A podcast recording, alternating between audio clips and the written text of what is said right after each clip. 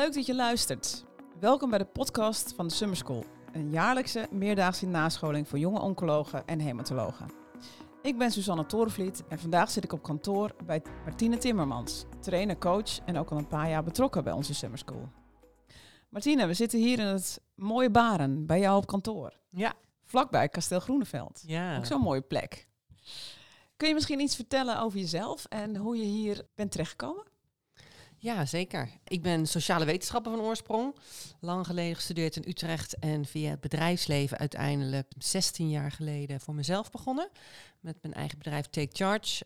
En heel snel eigenlijk, ja, dat was coachen en trainen.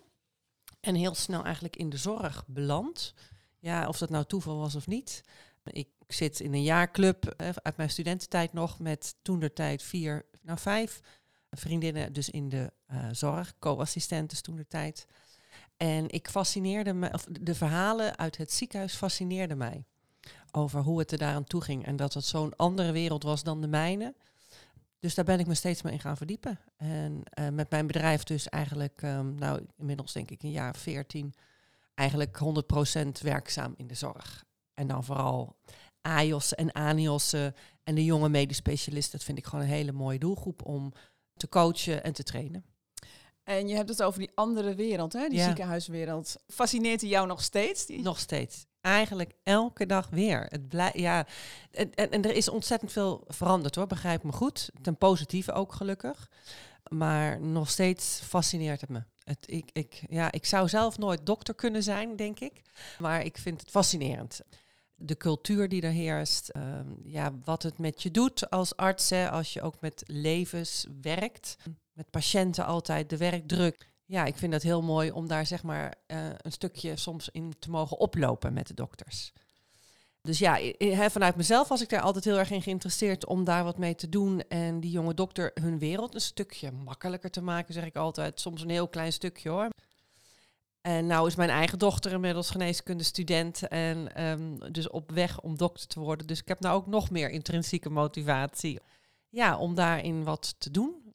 Ja, dat is het eigenlijk. Ja, leuk. Maar Ja. je zegt eh, oplopen met die dokter. Ja. En in welke hoedanigheid is dat dan? Want wat voor rol speel je dan richting die artsen? Ja, dat is eigenlijk heel divers. Dat, dat varieert. Hè. Als ik, eh, hier doe ik de één op één gesprekken. Dat varieert van hè, ik weet niet zo goed meer wat ik wil. Of ik, wat ik doe vind ik niet leuk meer. Ik heb eh, moeite met kiezen. Ik heb een lastige opleider. Ik voel me niet op mijn plek. Work-life balance. Nou ja, echt allerlei soorten coachingsvragen die ik eigenlijk hier eh, eh, heb. Maar ook het trainen dus, hè, met vakgroepen of eh, open inschrijvingen die ik eh, eh, heb. Waarbij ik het tweede vak doseer, zoals we dat dan noemen. Dat gaat over time management, over vergaderen, communicatie, eh, onderhandelen. Nou, allemaal dat soort vaardigheden eigenlijk die dokters ja, in hun eigen opleiding eigenlijk nooit krijgen.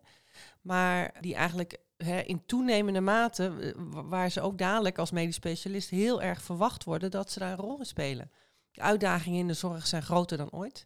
En ehm, ja, dokters worden ook verwacht daar hun rol in te doen. En het is, ja, het was, is hè, dat je vaak eh, als je in een vakgroep toetreedt, dat je een pakket erbij krijgt, een portefeuille. En succes en eh, hè, ehm, zet hem op. Dan is het toch wel handig als je wat handvaten hebt. Kan ik me helemaal voorstellen, inderdaad. Goed, we zitten hier nu niet voor dat stuk wat je aanbiedt binnen je bedrijf. Maar je nieuwe programma Leren solliciteren voor medisch specialisten. Ja, gaandeweg je gesprekken ben je daar misschien op terechtgekomen ook? Dat Ja. je dacht, dat is volgens mij heel hard nodig. Ja, ja, dat is, ja, hoe dat dan gaat is altijd heel grappig. Hè? Maar op een gegeven moment merkte ik, ja, had ik natuurlijk ook vaak over het solliciteren hè, om in opleiding te komen. Eh, maar ook daarna. In veel specialismen is het nog steeds ontzettend ingewikkeld om een plekje te krijgen. Geldt uiteraard niet voor alle, maar eh, voor meer dan de, nou, nou, in heel geval heel wat. En dat ze dat ook moeilijk vinden. Hoe presenteer ik mezelf? Ik vind veel dokters zijn ook best bescheiden. En zijn niet gewend om over zichzelf te praten, zichzelf te verkopen. Wat zijn mijn sterke punten? Wat zijn mijn valkuilen? Ja, wat zijn mijn, hè, zoals ze in het bedrijfsleven noemen, mijn unique selling points? Nou, daar hebben ze nooit over nagedacht. Dus dat vinden ze ingewikkeld. En ook een stukje communicatie over, ja, hoe, hoe doe ik dat dan? Hè? Zowel verbaal, maar ook non-verbaal. Hoe zorg ik er nou voor dat ik gewoon een hele goede indruk maak? Dus dat kwam steeds meer naar voren. Dat ben ik steeds meer gaan doen. En ik werk veel met mijn collega Masje de Ridder. En uh, wij zaten daar zo over te filosoferen over die ontwikkelingen. En wij zeiden, wij gaan onze krachten bundelen. Zowel qua regio, aangezien zij in regio Den Haag uh, werkzaam is. Maar ook qua ervaringen. Samen hebben we inmiddels zo'n, nou wat zal het zijn, 35 jaar werkervaring. Een sollicitatieervaring dus met, uh, met dokters. En dat vinden we leuk om te kijken van, ja, hoe, hoe kunnen we ze nou zo goed mogelijk klaarstomen dat ze daar met heel veel zelfvertrouwen zitten. Dat is denk ik het allerbelangrijkste wat ik ze toewens. Geen garanties dat ze de baan krijgen, maar wel dat ze denken, weet je, ik heb er alles aan gedaan, ik heb mezelf goed gepresenteerd. Dus daar lag het niet aan. Wat zijn volgens jou de um, belangrijkste aspecten waar artsen op moeten letten bij het opstellen van hun um, cv en sollicitatiebrief dan bijvoorbeeld? Nou ja, wat ik zie is gelukkig dat dat ook een stukje geprofessionaliseerd is. Hè. Tot ik, uh, nou ja, zeg maar tien jaar geleden waren het allemaal nog hele eenvoudige Word-documentjes, de cv's en de brieven. Daar zijn echt ook al wel slagen in gemaakt. Uiteraard, de basis moet gewoon op orde zijn. Het moet er gewoon netjes uitzien. Het moet er verzorgd uitzien. Alles moet kloppen. En ook de regels van een cv is dat je met het meest actuele bovenaan begint. Ja, dus vorige week had ik hier nog eentje, die had dat dus andersom. Ja, dan denk ik dat dat kan gewoon niet. dat, moet, dat moet gewoon in ieder geval allemaal kloppen in de basis. Verder qua cv, uh, een foto. Wat je veel ziet tegenwoordig is dat er een korte profielomschrijving is. Hè, in een paar regels. Wie ben ik, waar sta ik voor? Belangrijke waarden en normen of karaktereigenschappen. Ja, en qua brief vind ik het belangrijk dat er een stukje van jezelf in zit. Ik heb inmiddels zoveel brieven gezien dat je hè, de standaardbrieven of de standaardzinnen, die haal je er zo uit ja, daar kom je haast dus niet mee binnen, omdat het zo weinig over jezelf zegt. Dus ik vind, er moet een stukje persoonlijkheid in zitten, wat jij belangrijk vindt. Het liefst ook natuurlijk ja, iets wat jij meebrengt hè, aan, ja, wat zal het zijn, persoonlijkheden, maar soms ook ervaring, dingen die je hebt gedaan op uh, speciale vlakken die belangrijk zijn, met mooie voorbeelden erbij. Of als je een stapje verder bent, hè, als je medisch specialist bent, ja, ambitie, wat kom jij brengen? En waar wil je dan heen over uh, een paar jaar in deze vakgroep met deze uh, functie? Ja, het klinkt als um, absoluut wel andere aspecten die een rol spelen dan bij andere werkzoekenden. Nou, dat weet ik eigenlijk niet zo of dat zo is. Ik geloof het niet. Wat, wat denk jij dat anders is dan? Nou ja, dat je zegt over bepaalde specialismen of door wil groeien met die vakgroep. Hoe ga je dat dan doen? Wat is je beeld erbij? Of in opleiding gaan, hè? Ja. In een ziekenhuis. Ja, je hebt natuurlijk stagiaires in het bedrijfsleven ook wel. Maar dit zijn natuurlijk toch ook wel banen. Ja, daar moet je ook echt op solliciteren. Ja, zeker. Dus dat, dat zijn, dat zijn toch andere dingen dan die andere werkzoekenden tegenkomen, denk ik. Ja, het is natuurlijk wel echt een heel specifiek beroep. Hè? En jonge dokters ja, solliciteren natuurlijk ook, denk ik, per definitie een stuk minder. Hè, omdat het zo'n vastgelegde loopbaanhaast is. En voor de ANIOS, hè, als je dus zeg maar nog arts niet in opleiding bent, het is ingewikkeld om daar nu uh, mensen voor te krijgen. Dus ja, dat is vaak meer een kennismakingsgesprek dan een sollicitatiegesprek. Mhm. Maar voor de opleiding is het wel echt anders. Uh, zijn het vaak uh, hele korte gesprekken, maar vaak twee keer 20, twee keer 25 minuten. Met uh, een heel comité aan de andere kant. Ja, en dat vinden ze ingewikkeld, want dat hebben ze dus nooit gedaan. En dan gelijk met zo'n belangrijk resultaat natuurlijk. Bij sommige specialismen is het ook nog eens zo hè, voor de opleiding dat je maar één keer mee mag doen. Dus ja, dan is het nu of nooit in deze regio. Ja. Um, dus ja, daar hangt gewoon onwijs veel van af. Dus ja, dat maakt de stress natuurlijk niet minder. Nee, nee, precies. Welke rol speelt LinkedIn in de medische sollicitatieprocedures in deze tijd? Ja, ik vind je LinkedIn moet op orde zijn. Dat moet er ook verzorgd uitzien. Maar qua solliciteren denk ik dat het niet heel veel uitmaakt. Ik denk ook zo gehoord te hebben. Hè, ik, ik, praat ook met opleiders uiteraard. En die aan de andere kant zitten en die uh, vacatures uit hebben staan. Die gaan niet eerst op LinkedIn kijken. Het is toch een hele kleine wereld. Mensen kennen elkaar. Het is een warm netwerk over het algemeen. Dus het is meer van congressen en van bellen en uit de opleiding en even een collega eventjes vragen. Dan dat ze eerst eens op LinkedIn gaan kijken van goh, wat voor achtergrond heeft deze persoon. Ja. Maar hij moet er wel zijn. Hij moet wel kloppen. Ik vind, je kan tegenwoordig geen, uh, niet een LinkedIn profiel hebben. Nee, dus dat is wel onderdeel van je programma. Ja. Sowieso. Ja. Ja, hoe kunnen artsen zich onderscheiden tijdens een sollicitatiegesprek? Zijn er specifieke eigenschappen of vaardigheden die werkgevers in de zorg zeer waarderen? De psychologie achter het solliciteren is natuurlijk gewoon, mensen moeten je het gunnen. En dat is natuurlijk overal hetzelfde. Kijk, natuurlijk zijn er bepaalde eigenschappen die in de zorg belangrijk of belangrijker zijn. Hè? Dus teamwork, netjes werken, conscientieus werken, collegiaal, nou, allemaal dat soort zaken, hè? dienstverlenend. Uiteraard zijn die belangrijk. En daarnaast is het vooral heel erg afhankelijk, denk ik, van hoe doordacht mensen nagedacht hebben over de specifieke vacature. Als we het hebben echt over een vaste baan hè, eh, bij een vakgroep slash maatschap, dan hoop ik altijd dat ze met de groep zelf, met het team, hebben nagedacht over wat missen wij en wat willen wij dus aan vaardigheden, aan competenties, aan kennis en expertise. Dus daar, dan is het gewoon heel erg afhankelijk van ja, waar ze eh, solliciteren. En begeleid je ehm, hen ook echt op bepaalde vac- vacatures? Dat ze met een vacature hier binnenkomen Ja. bij jou en dat ze zeggen, hier wil ik graag voor gaan. Ja. Help mij daarbij. Ja, zeker. Ik zeg ook altijd van tevoren, bij, eh, als je bij, bij, bij ons komt voor een sollicitatietraining, dan zit daar sowieso een brief en een cv-check. Dus wij kijken daar ook naar. In, in combinatie met de vacature. Want daar begint het natuurlijk. Wat, wat zoeken ze hè, voor persoon, maar ook wat, wat, hè, waar staat het ziekenhuis voor? Deze vakgroep, wat, wat voor ambities, wat voor uitdagingen hebben ze de komende tijd? En waar kan jij dus het verschil maken? Dus eh, ik help ze zeker met de vacature en dan specifiek daarop solliciteren. En soms is het ook een sollicitatie, hè, een open sollicitatie. Ik heb ook net een dame begeleid die professor wilde worden en afdelingshoofd. Ja, die ga ik ook echt mee zitten van god, hè, wat zijn jouw ambities nou en hoe ga je je presenteren? Dus dat hele proces, want dat is natuurlijk al een heel uitgebreid proces met een benoemingsadviescommissie, de raad van bestuur praten. Eh, daar zijn we dan wel een paar maanden samen op weg, wat sparringssessies. Dus dat is weer iets heel anders, maar net zo leuk. Dat is ook een soort rollenspel die je dan doet. Nou, bij haar nee. Zij kon zichzelf ontzettend goed presenteren. Maar wel van, wat zijn nou ambities en wat kom jij nou brengen? En waar liggen dus jouw unieke punten die deze afdeling heel goed kunnen gebruiken? Ja, En? Succesvol? ja succesvol. En wat ik heel erg leuk vond, omdat het is allemaal heel recent. Vorige week heeft ze het gepubliceerd op LinkedIn. En had ze dus haar benoeming op LinkedIn gezet. En daar had ze dus ook geschreven met dank aan Martine Timmermans.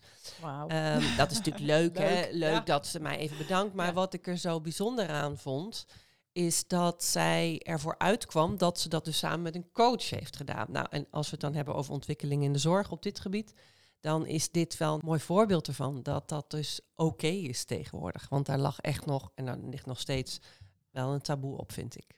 Wat Ja? jammer is. Dat ja, is zeker jammer. Ja. Want het, ja, het is eigenlijk heel professioneel om het zo aan te pakken. Ja. Lijkt mij. ja, maar goed. Maar in de zorg ja, is dat misschien... Ja, is dat toch nog best wel ingewikkeld. Goh. En worden er vaak eigenschappen als ja, oh je kan het niet zelf of je bent eh, onzeker. Onzeker. Nou ja, hè, dat soort eh, associaties zijn er dan toch vaak bij. Ja, jammer is dat. Nou, dus zij heeft wel echt eh, een mooie ja. voortrekkersrol daarin gespeeld. Juist ook omdat ze natuurlijk nou wel op een positie zit ehm, eh, die ertoe doet. Dus dat is de, ja, dat, de- daar kunnen we er meer van gebruiken, denk Ja. ik. Mooi, mooi voorbeeld Ja. inderdaad. Hoe belangrijk is netwerken voor artsen tijdens het sollicitatieproces? Heb je advies over effectieve manieren waarop artsen professionele relaties opbouwen in hun eh, loopbaan? Ja, hartstikke belangrijk. Juist ook omdat het een klein wereldje is. En ja, hoe doen ze dat? Veelal op congressen natuurlijk. Hè? Dus eh, daar moet je heen, zeg ik haast. Is ook leuk natuurlijk, maar ook om te netwerken. En zorg dat je bij ju- juiste mensen eventjes eh, aan tafel staat of eh, zit. Kopje koffie meedoet, jezelf even voorstelt. En ook terloops even informeert over vacatures en wat er allemaal speelt. Dus congressen, ja, wat kan je nog meer doen? Meelopen uiteraard. Hè. Als je echt specifiek ergens heen wil, zie je ook gewoon dat mensen zeggen van... Goh, kan ik eens een dagje meelopen? Om gewoon eens wat ja, informeel haast aan elkaar te snuffelen... en eens te kijken van, goh, hoe is de sfeer hier? Hoe gaan ze met elkaar om? En voel ik me daar goed tussen? Dus het meelopen, congressen, ja, LinkedIn... De warme contacten uiteraard. Hè. Dus zorg dat je je best doet om ehm, in touch te blijven met mensen die je zo along the way in je carrière bent tegengekomen. Ja. Je ziet steeds meer berichten eh, verschijnen over jong opgeleide artsen die dan een tijdje meedraaien in een ziekenhuis en dan eh, bepalen voor zichzelf, ja, dit is niet mijn wereld. Ja. Het is, ik, daardoor krijg ik ook een beetje het gevoel dat het erg verschilt met de wereld buiten, zeg maar. Ja. Dat mensen dat, eh, dat dat dan toch tegenvalt. Krijgen ze dat toch niet genoeg mee tijdens hun opleiding? Merk je dat ook hier? Dat, je dat je steeds meer mensen krijgt die er ergens tegenaan lopen... of het, de, de hiërarchie lastig vinden? Of, Ja, dat speelt De natuurlijk al een hele hè? tijd. Ja, zeker. Er spelen een aantal factoren, denk ik. Mensen hebben geen idee waar ze aan beginnen. Ik vraag heel, bij mijn trainingen eh, vraag ik heel vaak van, zouden jullie opnieuw voor het vak kiezen? Nou, daar schrik ik nog steeds eigenlijk wel van, hè? En mensen zeggen zelf Want? van, nou ja, dat veel mensen dus zeggen van, nou ja, als ik opnieuw zou mogen kiezen, ik bedoel, ik hou van mijn vak en ik vind het mooi, maar ja, het is ook een zwaar leven. En er zijn natuurlijk nog zoveel meer leuke banen waar ik het misschien ja, toch een stukje makkelijker of minder hard werken of hè, eh, flexibele eh. work-life balance. Nou ja, noem maar op. En iemand die zei laatst ook tegen mij, ze zegt ja, zo'n eerste nachtdienst, nou dat vond ik hartstikke vet, weet je wel, en, geweldig en, en spannend. En, maar ja, als je dat bij wijze van spreken week in, week uit moet doen, ja, dan is het natuurlijk heel anders. En eh, dan op een gegeven moment komt er een gezin en kinderen en een man en carrière. En ja, dan wordt het een heel ander verhaal. Dus dat speelt natuurlijk al heel lang, ja. En nu in, in de zorg is er natuurlijk alleen nog maar meer druk bijgekomen door ook nog eens eh, de werklood en verpleegkundigen die weglopen. Het wordt er niet makkelijker op. nee. Maar aan de andere kant ben ik ook wel positief hoor. Want er is wel ook een hoop positief wel veranderd. Hè, als we het hebben over roostering van de AIOS. eh, in veel gevallen, ook nog niet overal. Maar eh, de coaching überhaupt, hè, daar is ook echt wel een stukje taboe weg.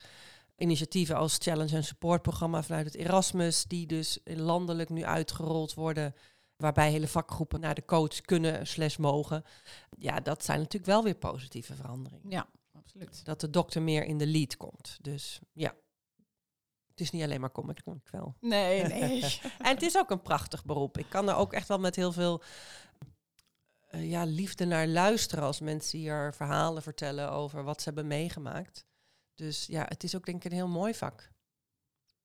Ja, je bent constant met mensen bezig Ja, natuurlijk. En met mensenlevens en betekenen. Persoonlijke verhalen. En Ja. eh, je kunt inderdaad heel veel betekenen. Ja, Dus, ehm, maar ja, ik kan me ook voorstellen inderdaad dat in nou, je zegt al, er komt er een keer een gezin en eh, hoe ga je dan met de werkdruk om en de vaste tijden van beginnen, hè, om acht uur eh, overdracht en eh, hoe doe je dat met een kind naar de crash en nou ja. Weet je, dat zijn allemaal eh, lastige dingen. ja, En dit zijn vaak vakken die, als je naar een ander ziekenhuis wil, ga je vaak, of zou, zou willen solliciteren, dan zou je ook vaak moeten verhuizen. En dat eh, wordt natuurlijk ook steeds lastiger in Ja. Nederland. ja, zeker. Dus als mensen klaar zijn met de opleiding en dan voor die vaste baan, ja, de vaste banen zijn echt heel schaars. Dus dan moeten ze vaak al beginnen met een jaarcontract of een verlof, hè, zwangerschapsverlof opvullen. Ja, dan ga je niet met je hele gezin eh, Nee. je boeltje oppakken. Dus dan is het soms in hotelletjes of appartementjes huren. Ja, dat is natuurlijk niet wat mensen bedacht hadden, zeg maar, met een jong gezin. Nee. Maar om gelijk in een vakgroep terecht te komen, ja, dat zijn er maar weinigen die dat lukken.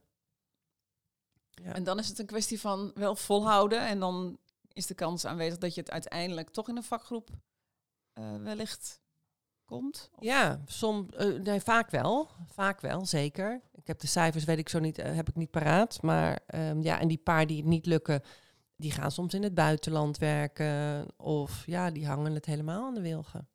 Of eh, in een ZBC gaan ze parttime werken. Dus ja, er zijn vaak wel mogelijkheden, maar niet wat ze natuurlijk in eerste instantie op het oog hadden. Als mensen dit luisteren en denken, god, dit lijkt me voor mij interessant om mee aan de slag te gaan. Hoe ziet zo'n programma er dan concreet uit? Hoeveel, dagen plan je daarvoor? Of is het afhankelijk van met welke vraag ze komen? Of... Nou kijk, puur alleen als je bij ons komt van... Hè, ik heb binnenkort ehm, een sollicitatie voor de opleiding... of voor een fellowplek of nou ja, wat dan ook. Dan is puur de training is gewoon maar is twee uur.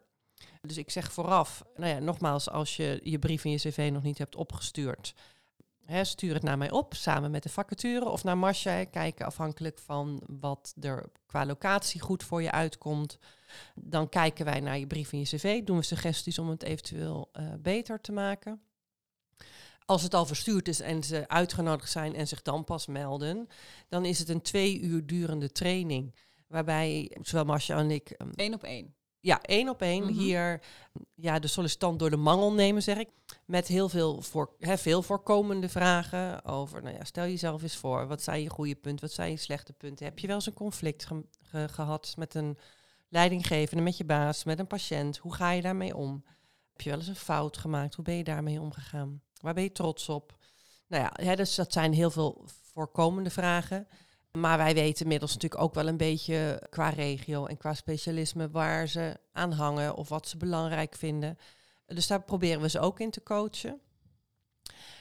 Wat ik vooral heel belangrijk vind is dat je, hè, als je het sollicitatiegesprek hebt, dat je daar zit als jezelf met een stukje meer zelfvertrouwen.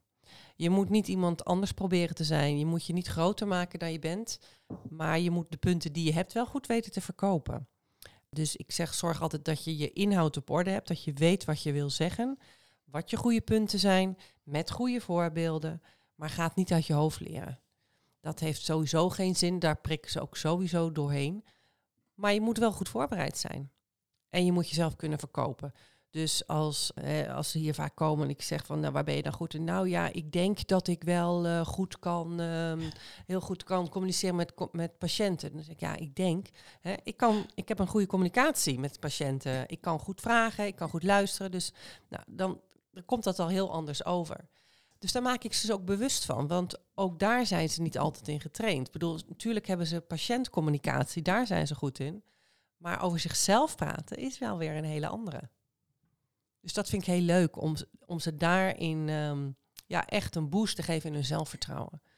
Waardoor, dus ja, wat ik net ook al zei, ze in ieder geval het idee hebben van, nou, aan mij heeft het niet gelegen. Nee, dat is een stuk zelfverzekerder dat gesprek ja. ingaan. Ja, zeker. Want natuurlijk kiezen ze soms voor iemand met een ander profiel of met meer werkervaring. Maar dan denken ze, nou, aan mij ligt het niet. Ja, ik heb er alles uitgehaald wat erin zat. En dat neem je hoe dan ook mee. Ja. ja. Dus dat vind ik heel mooi. Ja, heel leuk. Dat ze altijd blij hier de deur weer uitgaan. Zo van, nou, dit was uh, ja, de tijd en het geld waard. Heb je nog een mooi voorbeeld van, een, van iemand die hier bij jou is geweest? Waarvan je zegt, nou, dat is nog wel een mooie illustratie om... Uh...